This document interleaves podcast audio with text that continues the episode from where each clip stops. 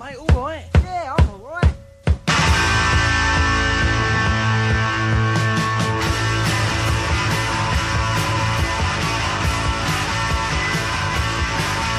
For once in my life I've got something to say. I wanna say it now, but now is today.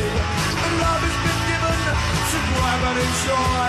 So let's all grab and let's all enjoy.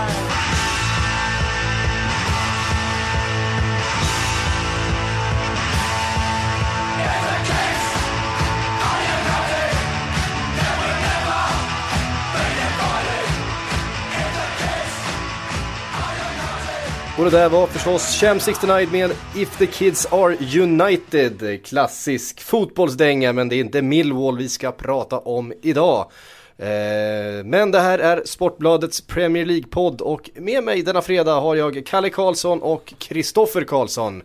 Välkommen Karlssons. Tackar. Tack, tack. Känner ni, känner ni att det är en helg ni, ni ser fram emot med tillförsikt? Ja men det är det ju alltid eh, oavsett. Men det är klart att eh, när det är en sån eh, het match som det är på söndag så gör man ju det lite extra. Ja, det är väl söndagens match som står ut lite grann. eh, Sen ska det också bli intressant att se Tottenham mot Newcastle tycker jag. Newcastle som är så pass ojämna och kanske kan störa Tottenham i den här matchen. Kanske, kanske. Vi har en hel del att prata om förstås. Eh, Jag tänkte att vi ska börja med någonting som du bloggade om i veckan Kalle och det är Manchester City och Kun Agüero och hans partnerskap med Negredo. Du pratade ju mest om Agüero just där eh, men vi har ju sett en litet eh, trendskifte från att vi har pratat mycket om den här ensamma strikern i 4-2-3-1. Så pratas det väldigt mycket om strikers par, samarbeten. Vi har ju då Rooney, van Persie, vi har Negredo Agüero, vi har eh, Sturridge Suarez framförallt. Som har varit framgångsrika den här säsongen. Ser vi ett, är det ett trendskifte eller är det en tillfällighet? Eh, det är ett litet trendbrott. Man kan säga att eh, alla liksom taktiska eh, trender och sådär. Det går liksom i vågor och det är ganska eh, svårt att eh, ensam bryta en sån trend. Eh, nu har det varit en trend där man tittar på den spanska fotbollen med mycket bollinnehav. Då har det varit naturligt att det har blivit att man har packat mittfältet med spelare. Lyft en av de där forwarderna från den traditionella brittiska 4-4-2 till 4-5-1 i olika konstellationer.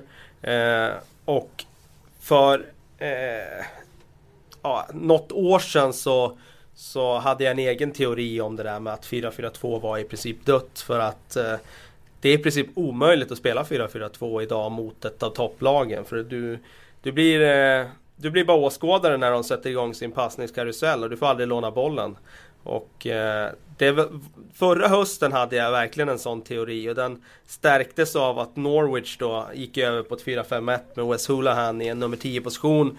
Och plötsligt var höstens hetaste lag där ett tag. Sen eh, när jag fick lite större underlag för min vetenskapliga teori där så, så märkte jag väl att den är väl inte så hållbar. Det, det finns exempel på att man kan lyckas med ett 4-4-2. Men det vi har sett nu det är ju att de som ligger i framkant, alltså topplagen, eh, har gått över på ja, ett mer 4-4-2 liknande system eller i alla fall anfallspar för att få mer tryck framåt. Och de kan ju göra det för de vet att de kommer att äga bollen ändå när de möter Norwich och hemma liksom. Eh, så att det är klart att det är ett trendbrott med det vi ser nu med att man återgår lite mer till anfallspar. Och vi pratar om det här paret specifikt då, Negredo Agüero. Jag tror jag var inne på det förra veckan. Eh, när jag lyfter ett varningens finger till övriga Premier League-konkurrenter. Eh, att ett år fram i tiden så eh, tror jag att Agüero och Negredo regerar i Premier League. Och att det som idag snackar vi om eh, Sturridge och Suarez. Men jag tror att eh, Negredo och Agüero kommer gå mycket längre i sitt samarbete. Eh, potentialen finns där för att de ska dominera Premier League ett par säsonger framöver. Vad är det som gör just det här paret så, eh, så bra då? Eller är det framförallt egentligen att Agüero börjar hitta sitt riktiga, sitt stora spel? Eh, framförallt är det Agüero för att eh, man har ju anat att han har en helt enorm potential. Det såg man ganska tidigt i Atletico Madrid att det här var ju en blivande världsstjärna. Sen har han ju faktiskt stått lite still med den där talangen några år och det liksom inte blivit den där, jag menar man trodde ju då att han skulle vara uppe och fighta som Ballon d'Or och så. Det, nu var han inte ens med bland de nominerade 23 namnen här. Och det, är att, det är ett tecken på att hans karriär inte riktigt har tagit fart. Men nu under den här hösten så har han ju tagit större utrymme efter att TVs lämnade. Och nu visar han ju den nivån som han verkligen har. Och jag tror definitivt att, det, att Negredos succé beror mycket på Agüero. Men Negredo är ju en sån spelare, så han är ju en fox in the box. Alltså en, en bra avslutare. Och eh, Får han bara rätt service, då kommer han att stoppa dit bollarna. Dessutom är han ju väldigt bra i luftrummet, Negredo. För ett lag som City som som dominerar mycket matcher, blir mycket inläggsspel. Så att han är en, en riktigt bra anfallstyp för City. Alltså en som ligger och hugger framför Agüero kan avsluta på alla möjliga sätt. Ja, även om eh, Agüero är helt fantastisk och den eh, största stjärnan i det partnerskapet så ser jag eh, Negredo som den lite, lite mer giftiga spelaren. Du ser inte Negredo missa många chanser, gör du inte. Jacko då? Hur mår han? Hur, hur vad, vad tänker han om det här? Ja, det, han börjar ju säsongen väldigt lovande där Dzeko. Framförallt premiären mot Newcastle såg han ju otroligt bra ut. Sen gjorde han ju mål direkt i andra omgången borta mot Cardiff där. Sen är det väl tyvärr så med Dzeko att han är lite ojämn. Och han har väl inte riktigt allround-spelet. Han är fortfarande en bra avslutare. Han kommer göra sina mål, inte minst som inhoppare, vilket vi såg förra säsongen. Men allroundmässigt så, så håller han väl inte den där toppklassnivån. Och det är väl det som gör att han alltid kommer att få finnas i att vara eh, lite av en rotationsspelare i en klubb som City. Ska säga det om Agüero också. Eh, var ju definitivt, hade ju definitivt en svag säsong förra säsongen. Men det var också en säsong som präglades mycket av personliga problem. Han eh, separerade från eh, hustrun där, Maradonas eh, dotter. Och, har inte egentligen haft någon kontakt alls med henne eller deras son. Eh, och det verkar som att han börjar lägga det bakom sig nu om man kollar till den här säsongstarten i år. Mm. Och någonstans där i Manchester Citys anfallspussel ska vi stoppa in en eh, John Guidetti också bara för skojs skull. Mm. uttagen till svenska u landslaget i alla fall och spelat någon reservlagsmatch också. Jag trodde du skulle säga Stevan Jovetic. För... ja, men han, han, han har ju bestämt sig för att vara skadad den här säsongen. Ja. Jo, nej, det är klart att Guidetti finns med där någonstans i, i bilden. Och jag läste några uttalande för Agüero där han sa att han såg fram emot att spela med Negredo, Dzeko och Guidetti faktiskt. Att han nämnde honom i alla fall i mm. sammanhanget. Och det säger väl någonting ändå om att de, han finns med där i bilden. Sen ska det ju mycket till. Jag menar, eh, det är ändå, eh, jag menar, Dzeko är väl missnöjd med sin speltid just mm. nu. Och kommer en ligacupmatch så så kommer ju han få den matchen snarare mm. än John Guidetti. Ja, vi tittar nog på ett lån i januari och inte utomlands om man ska tro eh, lite engelska källor till Sportbladet utan ner till Championship. Mm. På tal om lån, ska vi slänga in det som dök upp idag här att eh, Liverpool förväntas låna ut Raheem Sterling i vinter.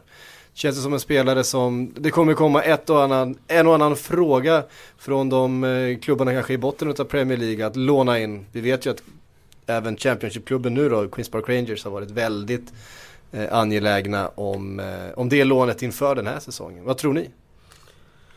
Ja, det är väl inte alls omöjligt. Det beror på skadeläge fram i januari. Eh, hur det ser ut då. Men det är väl inte alls omöjligt att det kan vara ett lån i, eh, när fönstret öppnar.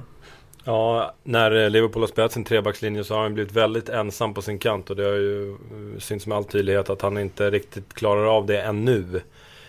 Eh, och sen kanske det är lite... Eh, det kanske kan slå väl ut på samma sätt som det gjorde för Ravel Morrison att byta scen lite grann. Det, att det kan ge honom ett lyft. Mm. Eh, tillbaks till anfallsduo kontra ensam anfallare. Vad är, det, vad är det man får, vad är det man tappar?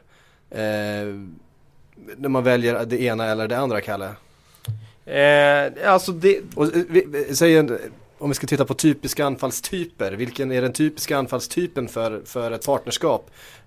Ja men det är egentligen, eh, om man går på det klassiska, det är ju om man spelar med ett anfallspar att man har the big man och the little man. Alltså en target och en som sticker i djupled. Det är ju någonstans grunden för Sen eh, är det ju så bra, klart bra om man har både och. Jag menar har man en Drogba som är bra både på att nicka ner bollar och springa så är det ju såklart det optimala. Men det, det är sällan man har den typen av spelare. Så att det är väl grunden i det. Sen i dagens fotboll så där man spelar mindre liksom långa bollar så då ser vi ju en annan anfallstyp, en typ av en eh, jag skulle säga en eh, Carlos Tevez som eh, alltså kan spela ensam forward trots att han inte är en 85 utan han eh, han springer väldigt mycket, eh, är beredd att eh, jobba väldigt hårt i pressspelet ensam. Eh, och sen har vi ju såklart alltså den här eh, den här eh, alltså rena targetspelaren, den känner ju jag är på utdöende. Alltså den som bara stod och nickade ner bollar. Kolla på Peter Crouch idag. Han kan egentligen Han kan inte spelas som ensam anfallare utan han, han måste nästan ha en annan spelare bredvid sig. Ja, vad du får eh, med två anfallare är ju det lite grann självklara att du, du kan få ett partnerskap två spelare emellan, två spelare som blir väldigt tajta med varandra och vill göra varandra bättre vill, eh, och lyfter varandra i, i, i spelet. Och, ehm, det, det, är en grej som du, du inte riktigt får med en ensam anfallare. Han blir ju mer eh, naturligt såklart eh, isolerad. Och, ja, jag vet ju själv hur det är att spela anfallare och att ha en anfallskollega. Det är ju betydligt trevligare än att jobba ensam. Mm. Eh, tillbaks till Manchester City då som vi började prata om här. Eh, och några ord om Yahya Touré. Tänkte jag vi skulle klämma in och vilka kvaliteter en sån spelare eh, tar till bordet. För det vi har sett den här säsongen är ju också en, eh, en frisparksspecialist av Guds nåde. Han knorrar in dem i var och varannan match. Ja det är helt otroligt att han har plockat fram en sån egenskap. För den har man ju inte sett tidigare i hans karriär. Han har ju visat ett väldigt brett register. Eh, har ju definitivt varit en av de absolut bästa mittfältarna. om inte den allra bästa de senaste tre åren i Premier League. Men de här frisparkarna han drar nu, det är ju liksom absolut världsklass. Från ingenstans egentligen.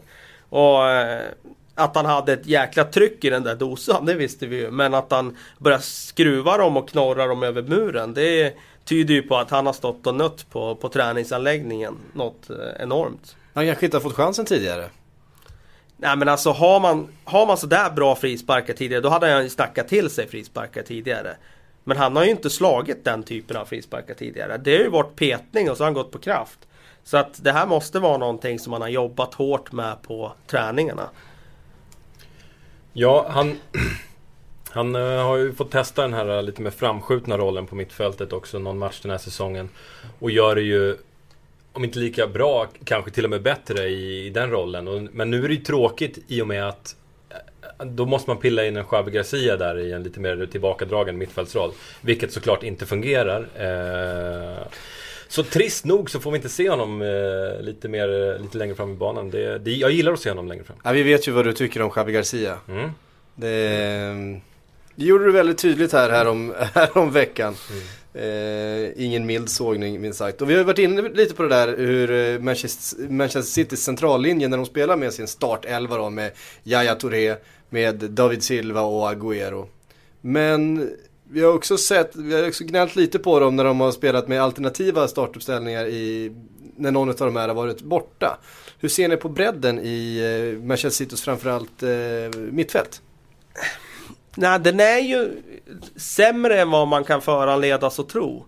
Alltså, de har väldigt stora namn där. Det finns ju en James Milner som kan gå in och spela där. Eh, nu används ju han mest på kanten i City och har gjort det sedan flytten. Men jag ser han egentligen som en central mittfältare som han spelar i Aston Villa. Eh, men det känns ändå inte som att de har spelare som är så bra på bänken så att de klarar av att gå in i de allra största matcherna. Eh, tyvärr. Det ser man även i försvaret. Jag menar kompani är borta, då är det kaos där. Eh, Yahya Touré är borta på mitten, ja då är det kaos där. För då ska Garcia in. Och jag ser inte som att deras eh, reserver håller för att möta Arsenal, United och, och, och Chelsea. Utan eh, de klarar att gå in i, i enskilda matcher mot lag på, lite längre ner i tabellen. Men inte de allra bästa lagen. Ja, det framgår med all tydlighet när, eh, när man tvingas stoppa in en uh, Nasri eller en Milner. Alltså, i Fast efterhand... Nasri har ju varit riktigt bra nu senaste tiden. Han tycker jag är på gång. Verkligen. Det tycker jag. Där är jag lite hård kanske. Men om vi kollar i efterhand på, på Gareth Barry som har släppt till Everton. Misstag. Det, han, hade ju, han hade verkligen behövts i ett City som, som dras med skador. Mm. Har ju varit väldigt, väldigt bra i Everton dessutom. Mm. Och rör vi oss från den här centrallinjen och bara rakt bakåt en liten bit så hittar vi en annan liten oroshärd i Manchester City, nämligen målvaktspositionen och Joe Hart som ju gått från att vara ja, topp tre i världen egentligen för ett par säsonger sedan till att nu vara petad eh, senast här. Va, vad säger vi om den kurvan? Är det liksom, eh, går den att rädda eller ser vi en ny målvakt i Manchester City startelvan eh, redan efter eh, nyårsfönstret? Eller januarifönstret? Det spekuleras ju lite grann i det, jag vet inte om Men det gör ju det, jag tänkte vi skulle komma in lite på det och, och um, försöka, försöka komma med någon sorts förklaring till vad, vad Joe Hart eh, håller på med. Så han har ju alltid sett honom så väldigt sådär eh, självsäker och eh, liksom trygg på det sättet. Men det har ju blivit någon sorts, eh, det har slagit över för honom. Den här självsäkerheten har blivit till en, liksom en övertro på sin egen förmåga. Och nu tror jag det endast handlar om någon form av mental blockering. Kvaliteterna har han ju fortfarande såklart men eh, någonstans eh, Det finns någonting som gör att han tvivlar på sig själv eh, längst där inne och eh, Det kan ju bara brytas genom någon drastisk metod nu och man tittar på vad andra målvakter har eh, drabbats av. De Gea, ja han blev bänkad. Det gjorde uppenbarligen inte honom någon skada. Chesney har blivit bänkad i Arsenal, ja det gjorde inte honom någon skada. Jag ser det som definitivt eh, ett sätt att bryta den här trenden genom att spela Pantelimon nu ett tag. Få Hart att tänka igenom situationen och kanske komma tillbaka starkare än någonsin. Det, alltså känslan man får när man eh, ser honom i vissa matcher är att han, han blir nästan uttråkad. Och eh, kollar vi på den här med Nastasic eh, debaclet när han ska ut, där han inte alls behöver gå ut. Så eh, ja, ja, Det känns som att han vill bevisa någonting och eh, att han borde ha blivit Alltså i brist på målvakter eller på ersättare så har han inte blivit det. Men han borde uh, ha suttit bänk betydligt tidigare än så här. Uh, och apropå självsäkerheten, den såg man ju redan i U21-EM i Sverige. I straffläggningen där. Då var han en riktig gris på linjen. Så, så uh, självsäker är han. Nästan arrogant får man, får man känslan av att han har varit inför sin uppgift. Eh, kanske är det det som eh, kommer tillbaks nu. Eh, vi vet, det pratas i alla fall en hel del om, om ersättaren. Det gör det ju. Så fort en, en, en spelare är ur form så vill ju vi i media och, och en del i alla fall utav fansen ersätta honom ganska omgående. Och det pratas det ju förstås om Begovic från Stoke som har ju, in, som ju inlett den här säsongen fantastiskt. Han var ju väldigt bra Precis redan förra, förra mm. säsongen. Mm. Eh, och var väl om inte den bästa målvakten i Premier League förra säsongen så i alla fall definitivt topp tre. Eh, stabil målvakt som egentligen inte har några brister. Eh, bra i luften, bra i reaktionsspelet, bra i närspel, bra med fötterna. Så att eh, jag tycker det var lite märkligt att ingen klubb plockade upp han redan i somras. Eh, det snackades ju rätt så friskt om det. Eh, men eh, jag eh, skulle bli förvånad om han stannar i Stoke efter den här säsongen. Och målskytt är han också. Dessutom. Mm. Nej, men en stor anledning till att Stoke ens klarade sig kvar i Premier League förra säsongen och en ännu större eh, bidragande orsak till att Bosnien-Hercegovina ska spela VM nästa sommar. Eh, alldeles fantastiskt och som Kalle är inne på, eh, ganska konfunderad blir man över att han inte har plockats upp tidigare. Mm. Jag tänkte faktiskt att vi skulle ställa en sån här väldigt populistisk fråga. Eh, vilken är den bästa målvakten i Premier League just nu? Kalle? Du har ja. fått lite betänketid på det. Ja, du kastade ut den här innan. Ja, eh, ja alltså. Det, det, finns ett par, tre stycken som jag tycker eh, tillhör den kretsen. Det är Begovic, det är David de Gea, det är Check och det är väl kanske ett par till som ska in där. Men de tre tycker jag, tycker jag är... Eh, Ja, du, måste, du måste säga, nu måste du säga en. ja, då säger jag David de Gea. David de Gea. Jag säger Koko. Hugo Lloris. Eftersom att han passar in perfekt i sättet som Han Tottenham. glömde jag faktiskt i, i sammanhanget. Men han ska ju också in där. Släppte in fem mål. Passar in perfekt i sättet som Tottenham spelar under Vias Boas. Med en backlinje som stör, står högt så måste Juris ut ofta och väl. Och han är ute ofta och väl. Eh, väldigt modig som vi ser också i eh, duellen med Lukaku. Eh, lägger inga fingrar emellan, går in där med risken att bli allvarligt skadad. Men det, det bekommer honom inte. Jag tycker han har varit alldeles fantastisk den här säsongen. Så just nu för mig är han bäst. Mm. Hur har, eh, du var inne på det att han, han är med mycket i spelet och det är ju en trend som vi har sett mycket när det kommer till målvaktsspelet att många managers vill ha målvakter som är bra med fötterna. En sweeper keeper. En sweeper keeper, precis. Eh, tidigare för ett par decennier sedan då kunde man ju se en, en målvakt som knappt kunde slå en bredsida på fem meter.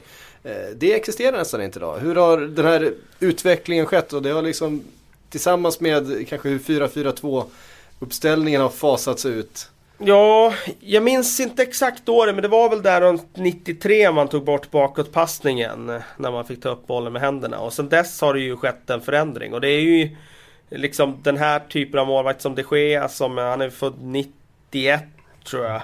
Eh, och han är ju uppväxt med den regeln. Och då, då har man fått träna spelet med fötterna hela uppväxten. Och det är ju klart att dagens målvakter, de har ju fått en annan träning. Så att idag eh, finns det en medvetenhet om att eh, eh spelet med fötterna är extremt viktigt. Jag vet på utbildningarna nu så pratar man om det. Vi lanserar liksom siffror på procentsatser på liksom hur många av ingripandena målvakten gör gör han med händerna? Hur mycket är skott? Hur mycket är spel med fötterna? Och det är liksom 80% av en målvakts ingripande är ju med fötterna. Och vad tränar man när man tränar målvaktsträning? Jo, man står och skjuter skott på en målvakt. Så att det där har man fått en medvetenhet för och idag ser målvaktsträningen annorlunda ut. Det är avsevärt mer målvaktsträning som sker med fötterna. Kolla bara på hur utsparkarna har förändrats. Alltså, du har ju en utspark från liggande boll på inspark och en liksom den här klassiska när du håller bollen. Men idag har du ju den här snea utsparken som många, alltså toppmålvakter eh, utnyttjar som ett anfallsvapen. Och det tror jag också är en sån där grej som vi kommer se ännu mer av. att Målvakternas spetsegenskaper när det gäller utsparkar, de kommer i några år här, då kommer de det finns målvakter redan idag som behärskar det här otroligt bra. De kör den här sneda utsparken så kan de sätta den 70 meter upp på en anfallare på, i princip på läppen på den spelaren. Så att eh, det är en sån där grej som vi kommer få se ännu mer av tror jag. Mm. Eh, om vi tittar då, för nu fick ni välja en målvakt som spelar just nu, som är den bästa Premier League. Om vi tittar sen Premier League startade då, 93, vi går inte längre än så. Vilken är den bästa målvakten som ni kommer ihåg? Som ni har sett, som ni anser? I Premier League-historien I Premier League-historien ja. måste bli Peter Schmeichel för mig. Eh, han, han, förändrade, han förändrade målvaktsrollen på, på ett sätt. Och var ju lite lik jag har på det sättet. Galet självsäker och, eh, och inte alls feg i, i sitt spel. Han var, han var en jätte på sin tid. Men jag, är, jag håller inte med om att vi måste nöja oss med Premier League. Jag tycker vi kan gå ännu längre tillbaka och lyfta Ja, fram Gordon. Banks. eh, Ja. i Leicester och Stoke som, som väl är den bästa i engelska ligahistorien. Ja, bra. Kalle?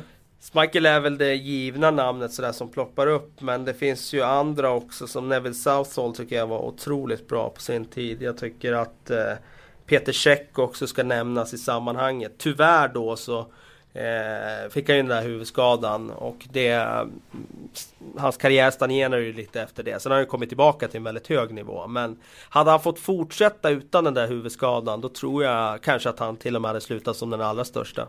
Mm. Ingen David Seaman? Han ska nämnas i sammanhanget men eh, lite för mycket tavlor för mig. För att vara med där uppe. Ja. Upp. Ja, bra. Ni får gärna eh, komma med era egna favoriter under hashtaggen Sportbladets PLP. Så eh, tar vi itu med de förslagen. Eh, en sak som vi har fått ganska mycket frågor om och som många fans ställer sig undrande till eh, gäller Liverpool just nu som ju fick stryk faktiskt i helgen utav ett eh, fantastiskt spelande Arsenal. Eh, Arsenal som verkligen eh, har vind i seglen just nu. Och det är återkomsten av Coutinho eh, och huruvida Brendan Rodgers vågar peta Steven Gerrard. Eh, bland annat så har Samuel Karlsson skrivit här på Twitter. Tror ni Rodgers kommer byta tillbaks till ett 4-2-3-1 nu när Coutinho är tillbaks? Eh, plus då att det inte gick så bra mot eh, Arsenal. Eh, nej, det tror jag inte han kommer göra. Utan eh, jag tror att han kommer köra på det här eh, Eh, systemet som man någonstans har jobbat in. Eh, jag tror att systemet funkar alldeles utmärkt mot lag där de eh, vet att de kommer ha boll in i havet. Skillnad mot Arsenal där, där det kanske inte blir så synkroniserat mot ett Arsenal som har väldigt mycket boll och de får jaga. Men jag ser ingen anledning till att byta just nu. Jag, ty jag, tycker inte att han ska göra det heller. För årets Premier League-säsong för mig är ett lag där i toppen så, så kan alla slå alla. Och att det kommer avgöras på vilka kan gå rent mot eh, lagen lite längre ner. Och där har ju Liverpool gjort det alldeles utmärkt med, med, den här, med, med det spelsystemet. Så det är bara att pinna vidare på, på det. För då tror jag absolut att man tar en CL-plats åtminstone. Och medan vi är inne på Liverpool så får vi ju ta upp den här nyheten som vi hade på Sportbladet idag. Eh, nämligen eh, att Brendan Rodgers har uttalat sig om Steven Gerrards framtida landslagsspel. Eller i alla fall bristen på den därför att det hävdas här att han kommer sluta i landslaget efter sommarens VM. Inte helt oväntat kanske han har eh, kanske gjort sina bästa landslagsmatcher även om han fortfarande är väldigt bra där. Men Albin Adolfsson vill gå lite längre än så och undrar vem i Liverpools trupp idag ser ni som en naturlig ledare om Gerard väljer att sluta om något år? Alltså sluta helt då. Han vill hålla på till 2015 i alla fall. Eh, så om vi blickar fram två år om man får ha kvar en Lukas Leiva kanske. Eh, sen kanske han är lite för blyg i personen för att... Eh, men det, det, behöver inte alltid tala emot eh, Tala emot en ledare. En ledare ska föregå med exempel och det gör ju Leiva definitivt på plan idag. Daniel Agger tilldelades ju vice kaptensbindeln eh, i somras här.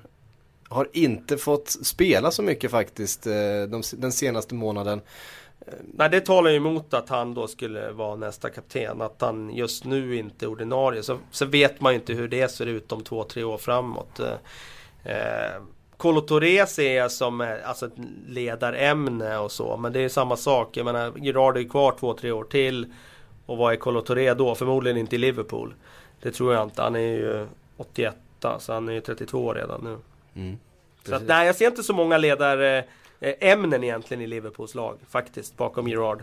Fanns ju en given men han la ju skorna på hyllan i våras, Jamie Carragher. Mm. Precis. Även om eh, Leiva är utanför laget så, så är han för mig absolut livsviktig att ha framför backlinjen. Eh, speciellt som han spelar den här säsongen. Så för mig så får han gärna bli en framtida ledare. Mm. Just precis det där med eh, spelet framför backlinjen där. Och det är en fråga som väldigt många har ställt sig. Vågar och borde Brennan Rodgers peta Steven Gerrard? Vi har varit inne på det tidigare på den här men eh, någonstans blev det ännu mer eh, diskussion efter Arsenal-matchen där eh, det ju uppstod en del hål precis i den ytan.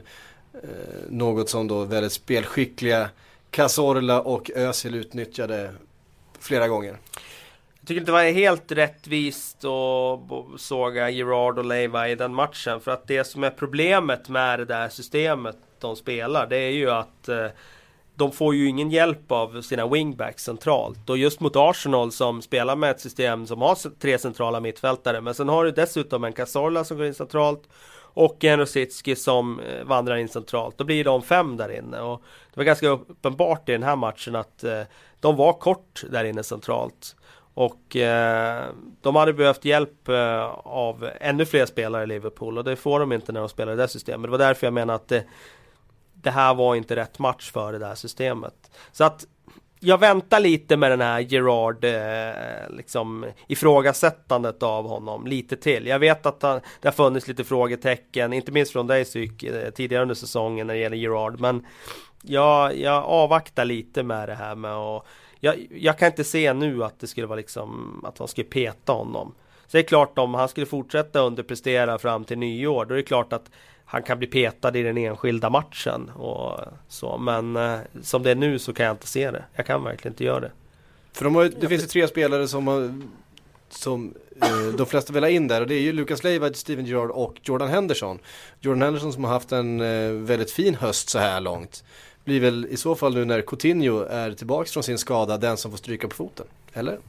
Så blir det förmodligen och eh, jag är redo att ge Gerard det förtroendet ett, en, en, ett litet tag till. Eh, och jag, men jag tror inte att eh, Roger skulle ha problem med att peta en Gerard och att han inte skulle våga inom situationstecken. Jag tycker om, det räcker med att kolla tillbaka på Suarez-soppan, eh, hur han skötte det alldeles utmärkt. Eh, modig, modig manager som när den dagen kommer, eh, när det är dags att peta Gerard, kommer inte ha några problem med det. Mm. Ska vi röra oss då till helgens stormatch. Eh, ett klassiskt hatmöte får man säga mellan United och Arsenal. Eller har det mattats lite det här hatet när, när Ferguson inte är på bänken längre. Han, had, han och Wenger har ju haft sina duster genom åren. Jag tror det mattades framförallt när Arsenal eh, tappade sin plats i hierarkin. Alltså när Arsenal United slogs om ligatitlar där runt 2002, 2003 och det ven pizzor i korridorerna på Old Trafford och det liksom eh, var ordkrig i spelargången mellan Keane och Vieira inför mötet där i på Highbury, då, då, var den, då var det liksom den där rivaliteten som värst. Men sen avtog ju det när, när Arsenal inte längre var något hot mot United. Och det märktes ju verkligen i, i, eh, alltså i snacket. Ferguson såg dem inte som något hot längre. Han var nästan barmhärtig när han pratade om Wenger och Arsenal eh, eh, under några år där. Nu känns det ju som att Arsenal verkligen har klivit upp och för tillfället klivit om United. Eh, de känns ju verkligen som en het titelkandidat. Och då märker man direkt så här, då börjar Rooney kasta ut en liten eh, liksom en pik där om att eh, ja, de kanske inte håller hela vägen och så här. Och det är ju ett tecken på liksom att skulle han inte se dem som en rejäl titelkandidat då skulle han inte behöva säga det. Utan jag tror att de känner nu att ja, det här är en match nu som kommer att avgöra väldigt mycket. Och jag tror definitivt att den här rivaliteten rivaliteten kan komma tillbaka om de återigen börjar slåss om titlar. Ja, om eh, Arsenal hade varit segstartade den här säsongen också och Moyes hade fått en succéstart istället så hade det kanske varit som det varit under Ferguson de sista säsongerna, ganska avmätt. Men i och med att det är åtta poäng eh, upp till Arsenal och eh, kan vara elva efter den här. Eller? Kan vara elva vid en Arsenal-seger så, så blir det en helt annan grej. Och David Moyes har ju tjafsat med Wenger tidigare också. De har liksom ett litet eh, brokigt för, förflutet. Så jag, det här mötet har alla förutsättningar för att bli eh, ett hatmöte på nytt. Det är ju en diametral skillnad jämfört med mötet förra hösten. För mm. så håglöst eh, som Arsenal var i den matchen. Det har de ju aldrig varit på Old Trafford någon gång. På det sättet att de kom dit och de trodde inte ens att de kunde vinna den matchen. Det var som att de var slagna på förhand. Och eh, det borde de inte ha varit. Alltså de borde inte ha känt så. För så bra var inte United. Men de kände så ändå. Och det blev inte så stora siffror i den matchen. Men sett till matchen och händelseutvecklingen så var det ju två klubbar på liksom helt olika nivåer. Och nu är vi ett år senare. Nu är det Arsenal som ligger åtta poäng framför. Surfar på en sån enorm framgångsvåg. Eh, har spelare som spelar med så enormt självförtroende och rollerna känns nästan ombytta med ett eh, United som är pressade och måste bevisa någonting. Mm. Ja precis och den här, eh, det här utspelet från Wayne Rooney, vi kan läsa vad han sa, ett litet eh, utdrag från en intervju han gjorde. Eh, we've seen before that they've been on the, in the top two until February or March and then faded away det är ju en ganska, det är en ganska tung slägga mot Arsenal att ja, ja, ja, ni ligger där uppe nu men det är som det brukar vara så, så kroknar ni på slutet. Eh, United i sin, i sin sits mer benägna att få igång den här rivaliteten och, och de här känslorna inför matchen. Eh, en match som säkert, de går ju faktiskt in lite grann som, eh, som en underdog i den här matchen. Eh, Gör han det här lite grann för att, för att få igång de här känslorna, att få, få den här rivaliteten tillbaks? Vad tror ni? Ja. Jag vet inte vad eh, han skulle, om han har någon plan bakom det, att han, eh, att han tror att United skulle få ut någonting av det. Det ställer jag mig tveksam till. Men eh, han, han vill väl eh, samla trupperna. Alltså United har ju fått igång resultaten i ligan på sistone och eh, vill, vill ju förstås spinna vidare på det och stänga det där gapet lite grann. För som sagt, en förlust har man eh, inte alls råd med. Mm. Vad säger ni om eh, Arsenal då? Vi pratade ju om för ett par veckor sedan och går in i en extremt tung november har traditionellt sett varit en väldigt dålig månad för Arsenal. Där de har tagit väldigt lite poäng. Eh, de inledde, de, skulle, de mötte Liverpool och, och Dortmund och United på ett snöre. Har ju klarat det ganska bra så här långt. Två stycken segrar, först mot Liverpool, sen mot Dortmund. Eh, vilka spelare är det? För att det är ju inte så stor skillnad på truppen från förra året egentligen. Det är egentligen Mesut Özil som har tillkommit. Vad är det som har hänt? Vilka spelare ser ni som har lyft sig? Det pratas mycket om en Thomas Rosicki till exempel som eh, kanske inte hade sin bästa säsong förra säsongen men som är helt given eh, idag och gör det bra match efter match. Den självklara är ju Ramsey men eh, Koscielny också eh, klivit fram. Eh, det har inte alltid sett eh, särskilt stabilt ut där bak. Det ser betydligt bättre ut i år. Eh, ja, jag håller inte riktigt med om att Rosicki är så given. Han har varit väldigt bra, men skulle alla vara tillgängliga så vet jag inte om han är helt given faktiskt. Då har de ju enormt många val att göra där på mitten. Eh, men framförallt det som skiljer Arsenal, det är ju det där med att nu känns de trygga bakåt på ett sätt som de inte har gjort sedan Tony Adams i princip spela i den där backlinjen. Eh, den här sista halvtimmen mot Dortmund, det är ju den, det är liksom det yttersta beviset på att Arsenals defensiv har tagit så enormt många kliv. Så de, Dortmund var ju det bästa laget i en timme i den matchen. Men sen gör Arsenal målet och sen sjunker de lågt och Dortmund skapar egentligen ingenting. På Westfalenstadion, ett av Europas absolut bästa lag. Eh, och Arsenal gör dem dåliga. Mm. Så dåliga som jag inte kan minnas att jag sett dem där hemma någon gång. Så uddlösa. Och det är liksom bättre komplimang går knappt att ge Arsenal. Alltså, och det är så otroligt viktig vetskap att veta att man kan sjunka lågt med ett lag, eh, stå och styra motståndaren och det blir inte farligt. Eh, det är den vetskapen som eh, har gett United titlar tidigare. Det är den vetskapen som gett Chelsea titlar tidigare. Så man har den där tryggheten i försvaret. Och mittbackar så man vet att okej, okay, motståndaren kan skicka in 10 inlägg från wide zones. Men det händer inte så mycket. Vi har, de kommer att rensa undan det här. Och det har inte Arsenal haft tidigare. Det var som Rosicki sa efter den här matchen. Tidigare i det där läget så hade vi inte stått emot. Eh, nu var det inte ens någon fara på taket kändes som. Och det, det är ju verkligen eh, liksom tecknet på att Arsenal nu har flyttat fram sina positioner så enormt mycket. För anfallsspelet, det har de ju haft i ganska många år. Det... Men eh, den där tryggheten bakåt som plötsligt har liksom infunnit sig där efter, ja det är egentligen efter att Koscielny och Mertesacker placerades ihop i ett mittbackspar i samband där med Bayern München borta i våras. Mm.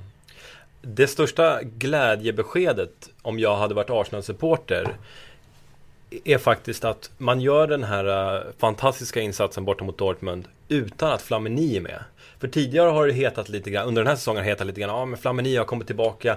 Eh, det är han som är den viktigaste spelaren i det där laget. Han har verkligen eh, stabiliserat upp det där mittfältet så, så man kan sätta defensiven. Eh, och så var det lite oroligt inför Dortmund-matchen i och med att Flamini inte skulle vara med. Hur, kommer de rasa samman då igen? Men nej, de nollar Dortmund borta. Och det är nog det jag skulle varit gladast över som Arsenal-supporter. Att man löser det även utan en Flamini. Mertesacker ska sägas också vara alldeles fantastisk i den matchen, kanske bäst på plan. Jag kastar in en fråga direkt här från Mattias Erik Larsson. Vad har hänt med Mikael Arteta? Bättre än någonsin påstår han.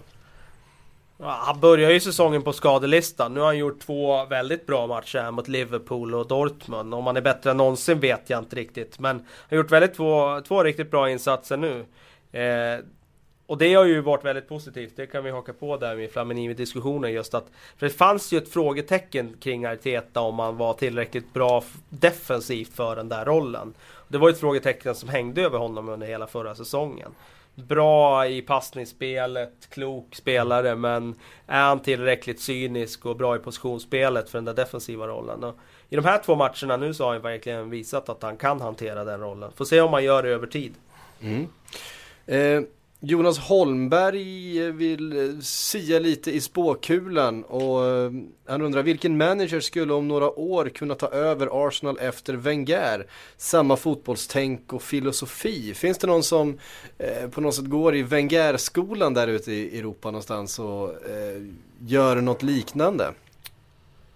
Vem skulle det vara? Alltså, om man, om man skulle gå helt på att ta liksom tränare, liksom samma skrot och korn. Då är ett namn som jag tänker, det är Remy Gard som är i Lyon nu. Som, eh, alltså när Wenger värvade till Arsenal en gång i tiden. Han gjorde inte så många matcher. Men uh, har ju gjort ett väldigt uh, liksom bra jobb i Lyon med att lyfta fram unga spelare. Uh, sen har ju de tappat rent i hierarkin i Frankrike. Men då ska man veta att presidenten Hollande, han har ju kapat den budgeten ganska rejält. Så att de har ju liksom inte kunnat köpa några spelare de senaste åren utan bara lyft upp från den egna akademin. Och, eh, han tror jag har ungefär samma tänk som Wenger. För mig eh, kommer jag spontant att tänka på en Tito Villanova kanske, eh, som frisknar från, eh, tillfrisknar från cancern. Eh, kanske skulle kunna vara ett alternativ i framtiden. Mm. Varför inte?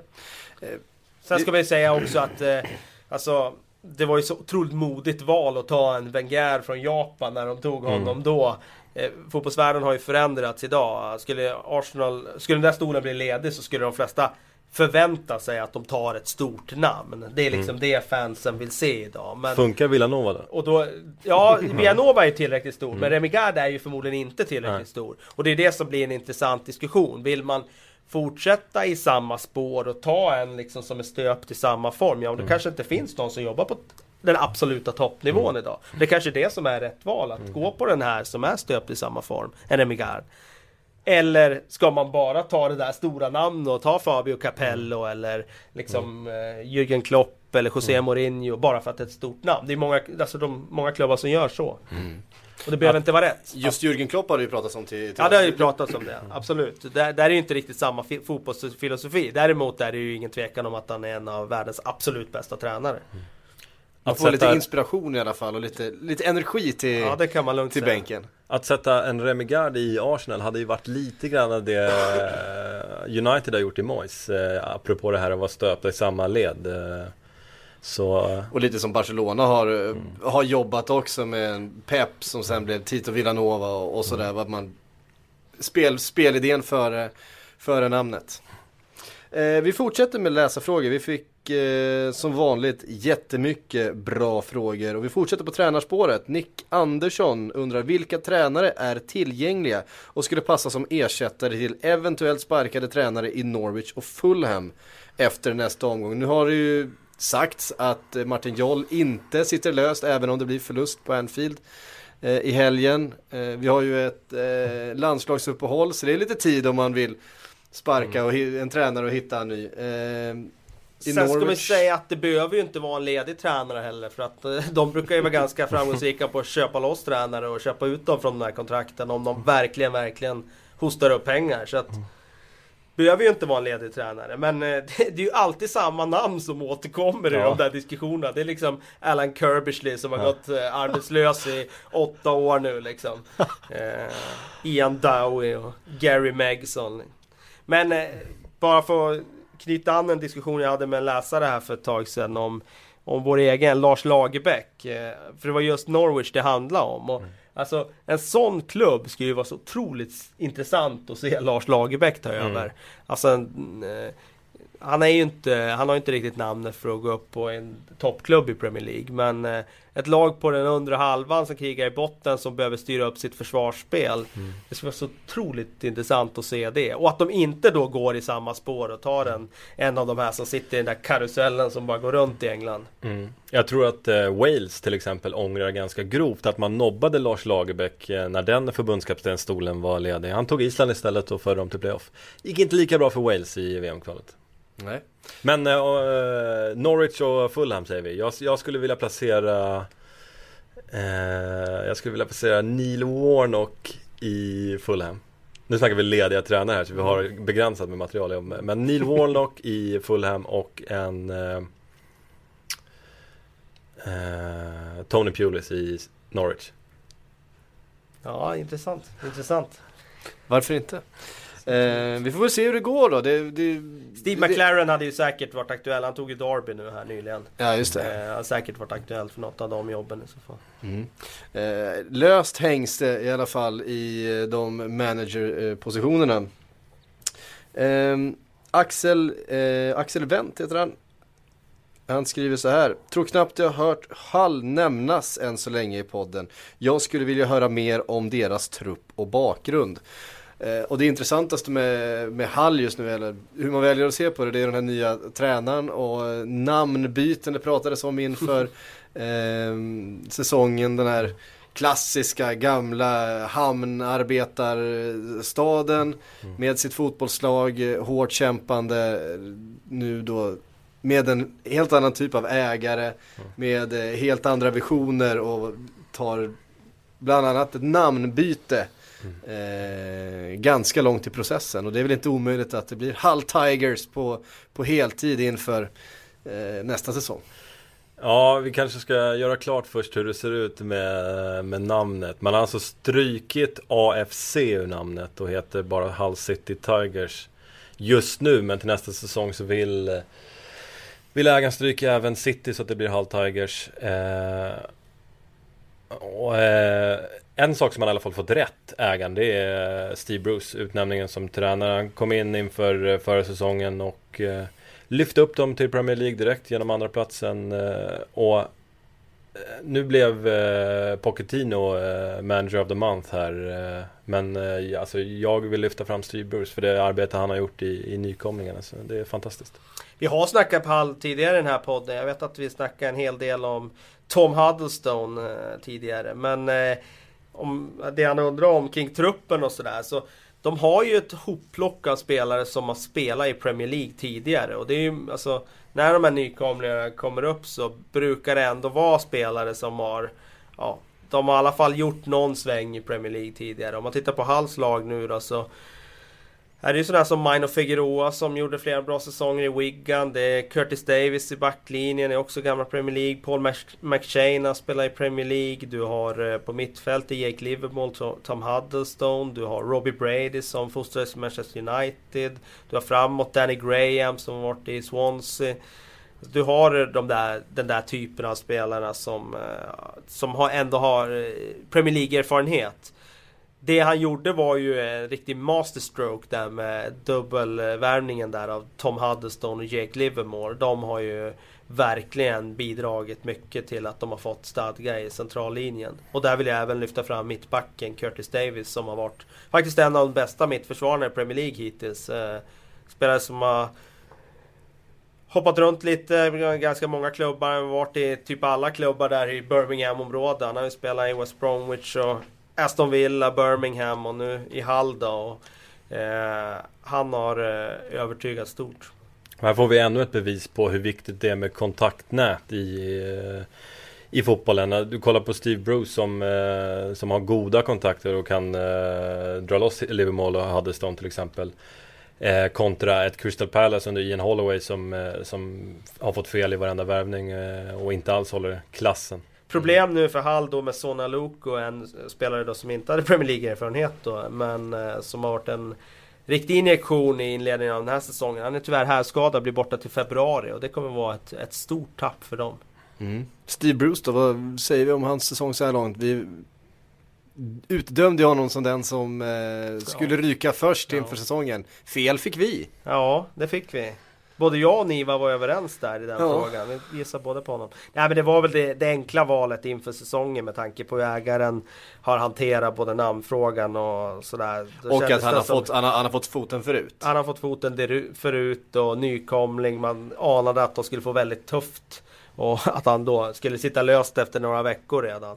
Så att eh, så har det inte blivit. Så att eh, en otroligt stark start av Steve Bruce. Och det är kul att han eh, Ja, få lite bättre renommé. Han eh, var ju väldigt lovande ett tag och han lanserades ju som många andra har lanserats genom åren som Sir Alex arvtagare där när han gick väldigt bra med Birmingham en gång i tiden. Men det känns väldigt avlägset.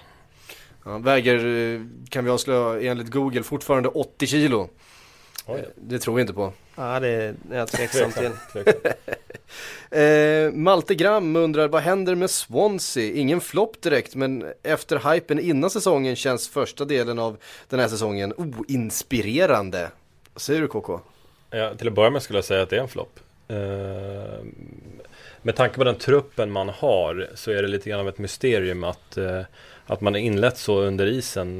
Det, Mitcho ser inte alls glad ut. Han, eh, han vandrade ner i tunneln här för förra helgen eh, när han blev utbytt. Vilket i och för sig var ett konstigt byte av Laudrup men eh, Nej, eh, man blir inte riktigt klok på Swansea. Eh, det ska, ska också sägas att Mitcho var ju helt outstanding eh, förra säsongen och eh, var ju den som gjorde målen från sin, eh, sin mittfältsposition. Eh, och det är väl kanske ingenting man kan räkna med säsong efter säsong.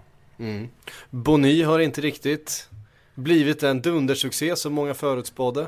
Eh, nej, han har inte fått så stort förtroende heller. och Jag tycker det... han har sett helt okej ut när han har fått spela. När han väl har fått spela tycker jag han har sett okej ut i boxen, ska vi säga. Alltså i allround-spelet tycker jag väl han har varit sådär. Men eh, han har väl hyfsat målfacit i Europaspelet tror jag. Han har stoppat dit några bollar där i Europa League. Eh, gjort något i ligan sådär. Men eh, det, känslan är ju att eh, Laudrup borde fundera på att spela in honom som striker och Michu bakom. Mm. Sen har ju Pablo Hernandez skada. Det har ju varit, det har ju varit ett avbräck för dem. För Nathan Dyer har inte varit så bra som han kan vara. Och då har de sett liksom man tappar det där kantspelet som fungerade så otroligt bra i början av förra säsongen. När Routledge också var bra. Så att eh, det är flera, flera anledningar. Sen är ju mittfältsspelet har inte de Guzman heller varit så bra som har tidigare. Shelby har varit upp och ner. Britton, ja, vissa matcher men inte alls som jag tycker han var första säsongen när de var i Premier League. Så att, ja, jag... Eh, eh, det är inte bara, det, det, är, det är mycket som, eh, som måste till för Swansea om de ska upp och kriga om Europaplats som du har snackat om inför säsongen. Nu värvade man ju nya spanjorer i somras, eh, vilket Alltså i vissa matcher, som till exempel derbyt mot Cardiff, eh, så har du ett Cardiff eh, med många local lads som eh, som är betydligt mer taggade när man går in i en sån match. Och eh, Swansea förlorar ju den matchen helt rättvist. Ser eh, bleka ut när det kommer till ett sånt tillfälle. Det ska man inte göra. Mm. Där fick ni rätt dessutom. Ja, det kanske vi Eh, fick. Ja, precis. Ni sa, jag ville ju hävda att Ja, Swansea gick in som favorit. Men, Ja, det. eh, men eh, det var precis som ni förutspådde Cardiff som drog det längsta strået i det första Wales-derbyt i Premier Leagues historia. Andreas Hult har skrivit om United. Han undrar Uniteds brist på kreativitet på innermittfältet. Gick Thiago fel som valde Bayern och var United ens intresserade? Och det kan vi väl slå fast att de var. Om vi kommer ihåg den där matchbollen efter att han gjorde hattrick i eh, U21-EM var det va? Ehm, där de Gea skrev eh, Vi ses i Manchester, en bild som sen spreds över internet. Så att visst fanns det en dialog, det kan, Ja, väl, det det kan, det, det kan vi väl... eh, Det är klart att det fanns, det, fanns ett intresse för honom och det är ju naturligt för det finns inte så många in i mitt fältare i, i eh, som eh, Alltså som kan förstärka de här topplagen och kan bidra med det där som de vill ha. Den där passningsskickligheten och kreativiteten och han var ju en av dem. Och ja, för att svara på frågan. Jag tycker ju att han valde fel för att han gick till en klubb som har en hel eh, uppsjö av massa världsklass mittfältare och jag ser inte hur han ska kunna slå sig in där på, på kort sikt utan han kommer Nej, få stå på står, tillväxt. Ja, där står han ju nästan på tillväxt Ja. och, och, och spelar lite reservlagsfotboll, en annan cupmatch. Eh, Medan han i United han har har varit gått först, ra- först rakt in i elvan. Ja, precis. Så att eh, ja, jag tycker han valde fel och för Uniteds del så eh, hade det ju gjort enorm skillnad att få in en eh, Thiago eller en Ander Herrera eh, jämfört med det de har idag. Ja, vi var ju inne på det redan när den värvningen blev kvar att det var väl det märkligaste beslutet som togs under hela transferfönstret. Eh, Han har bara fått starta en eh, ligamatch för Bayern München och särskilt många fler lär det inte bli. Nej, inte minst när eh, de sätter in eh, ytterbackar på mittfältet också. Nu är i och för sig Schweinsteiger skadad, han ska operera foten så att kanske kommer en lucka. Men det blir Filip Lam som kliver in där och fyller den positionen. Förmodligen. Med bravur har han gjort det också. Eh, hoppas att Hultan, som han kallar sig på Twitter, är nöjd med det svaret. Ehm, ska se, den frågan har vi redan ställt. Oh, här kommer en intressant. Wilhelm Ridenfelt eh, undrar vilket Premier League-lag har Kalle Karlsson störst sympatier för? Nej, inget alls faktiskt. Eh, eh, jag eh, skiter fullständigt i hur det går i matcherna. Jag bryr mig bara om när jag själv spelar fotboll. Ja, precis. Då fick vi det sagt också. Men han har en fråga till. Och vad tror ni att Guernsey FC från Kanalöarna har för chanser att nå minst League 2 inom ett par år? Sug på den ni. Ja, den... Jag bedömer chanserna som eh, hyfsat goda. Ja, härligt. Eh, vi går vidare. Johan Kingsepp skriver utan ändring, hur länge innan Mata och Louise tröttnar? Nu är vi alltså i Chelsea. Januari? frågetecken. Bredd i all ära, men man blir ju nervös. Nervös har man all anledning att vara tycker jag. Mata ska inte sitta på bänk och eh, det blir ju allt tydligare att eh, Mourinho har någonting emot honom. Eh, har inga problem med att lasta honom eh, eh, eller ge honom skuld när det går dåligt. Eh, inte specifikt uttal sådär men han, han kan klaga på laget när Mata har spelat och sådana här saker. Januari kanske är lite väl tidigt men att han eh, försvinner inom, alltså i somras senast, det ser jag nästan som givet. Mm. Um, Pontus Lindgren. Ryktet om Jermaine Defoe till West Ham igen. Och vart tror ni OS-arenan, som då West Ham ska flytta in på, eh, kan leda West Ham efter 2016? Kan det bli den här boosten som det har blivit för andra lag när de har fått en större arena? Ehm, en OS-arena där det ju också ska vara en del eh, musikevenemang och friidrottstävlingar och sådär framöver. Vad tror ni om West Hams utveckling, utvecklingsmöjligheter på den arenan? Istället för Upton Park. Det är klart att det finns en uppsida om man flyttar till en arena. Flytten blir bra om man lyckas fylla den. Men eh, det finns ju ett motstånd också i supporterleden mot den där flytten. Och det är klart att utvecklingen är ju oundviklig. Om man ska växa som klubb så, så måste det ha större intäktsströmmar. Och eh, det är klart att de ska ta chansen och flytta dit eh, eftersom det är enda vägen att gå för, inte bara för West Ham utan för andra klubbar också. Och det här var ett, en bra möjlighet att få en ny arena. Eh, vad det kan ta dem, det är svårt att säga men eh, lyckas de fylla den eh, så är det klart att eh, det kan öppna nya möjligheter. Mm. Um, Jesper Jansson, han är lite, lite upprörd låter det som på Twitter här. Han vill att vi ska prata om hur Mark Hughes får sänka klubb efter klubb till botten och ändå få en ny klubb till hösten. Vad har han gjort för att förtjäna det här?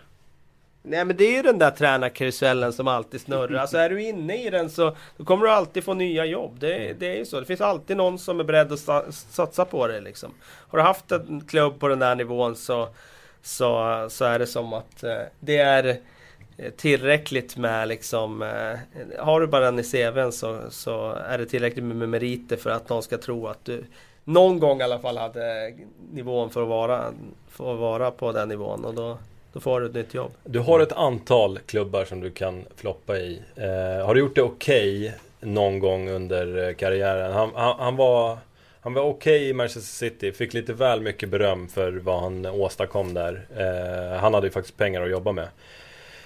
Så då kan han leva på det och kanske ta ner Stoke i Championship eh, den här säsongen. Eh, sen så... Eh, jag tror nog att det här kan vara hans sista chans. Men sen så. Eh, även om man hamnar ute i kylan som Hughes kan göra efter ett nytt misslyckande så går det ett par år och sen så helt plötsligt så är man het igen. Eh, det, det, är lustigt hur det fungerar i England. Mm.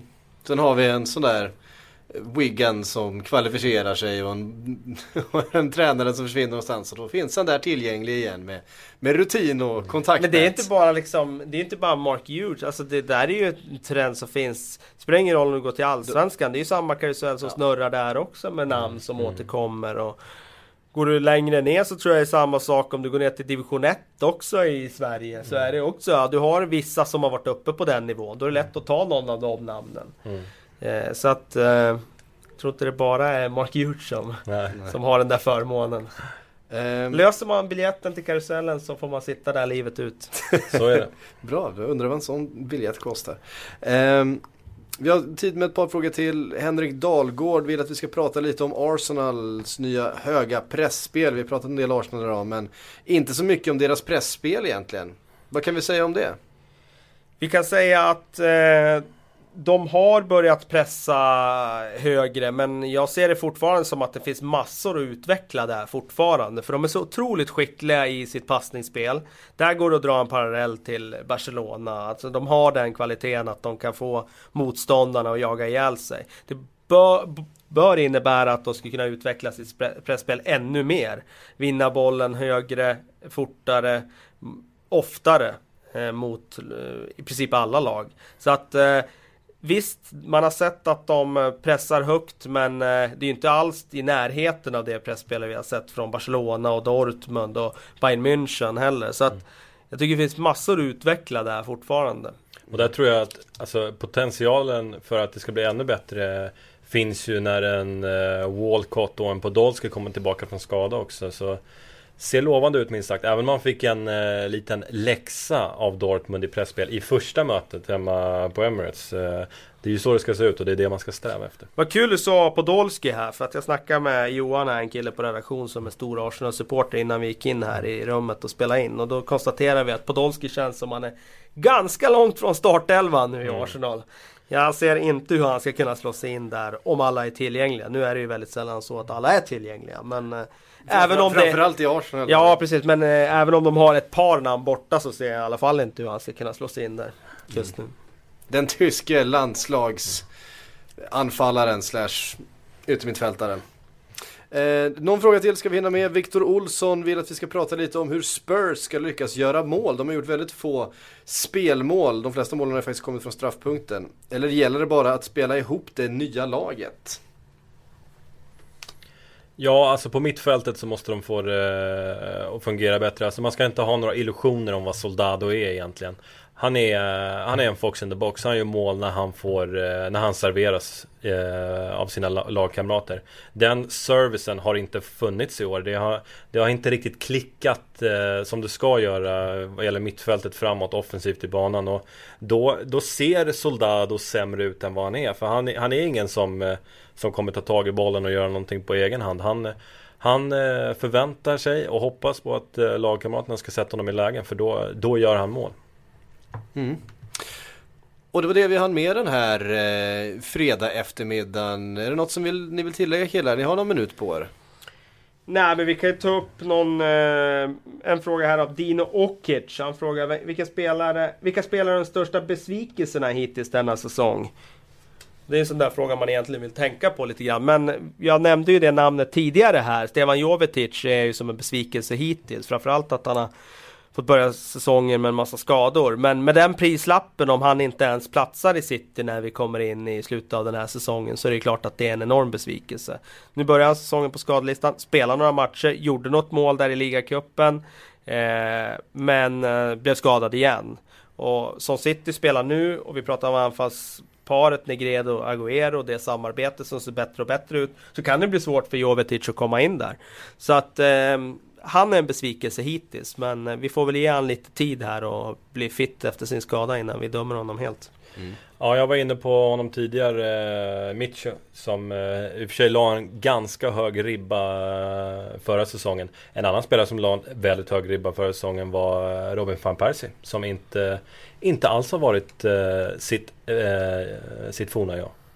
Jag har sett till eh, den potentiella högsta nivån så eh, känns han ju som en spelare som har en bit kvar och, och hela United känns ju som ett, som ett lag som har mycket att ta av. Jag kommer ihåg efter premiären där eh, när han hade stoppat in två drömmål borta mot Swansea, van Persie. Då Eh, sprang jag på Soran var väl här i korridorerna och var med i någon podd då. Då sa han, nej det är inte ens kul sa Soran. Han är för bra van Persie. Men det är inte riktigt den känslan man har nu i november utan efter den matchen var det säkert några som hade det. Men eh, nu har han varit i ganska dålig form och han är inte alls lika dödlig i avslutningarna utan eh, han bränt rätt mycket chanser. Enkla mm. chanser som han borrade dit förra säsongen. Mm. Han vi med och såga van Persie lite grann också.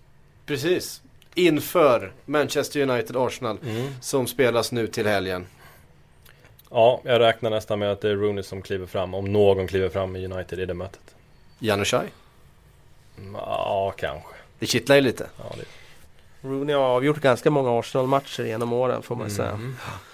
Det får bli de avslutande orden för denna veckas Premier League-podd. Vi som har pratat heter Patrik Syk, Kalle Karlsson och Kristoffer Karlsson. Skriv till oss på Sportbladets PLP på Twitter. Följ oss och kommentera det vi gör. Det tycker vi om. Så hörs vi nästa vecka. Hej!